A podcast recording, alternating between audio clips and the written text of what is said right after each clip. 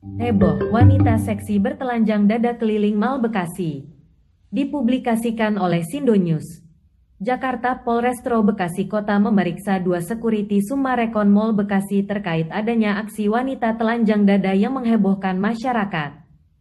Pemeriksaan ini dilakukan untuk mengungkap identitas wanita tersebut.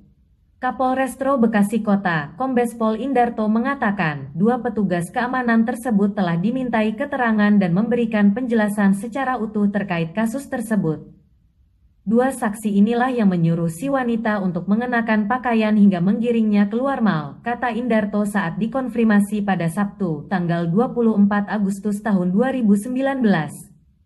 Namun, lanjut Indarto, sayangnya saat itu kedua sekuriti saat itu tak sempat menanyakan identitas wanita tersebut karena fokus agar si wanita tidak masuk-masuk ke mal.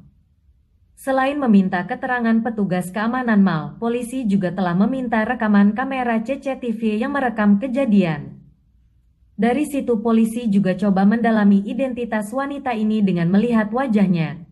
Hingga kini hasil analisa CCTV belum keluar. Anggotanya juga masih mencari saksi-saksi lain, ujarnya.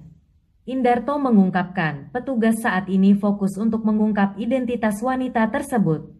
Setelah itu barulah mengungkap motif wanita tersebut bertelanjang dada di mal. Sebelumnya diberitakan, video mengandung unsur pornografi viral di media sosial. Dalam konten itu terlihat seorang wanita muda berambut panjang tampak berjalan dengan separuh telanjang di pusat perbelanjaan di kota Bekasi. Masih dalam video unggahan berdurasi 8 detik itu, wanita muda berambut pirang ini digiring petugas keamanan sebelum masuk ke arena mal.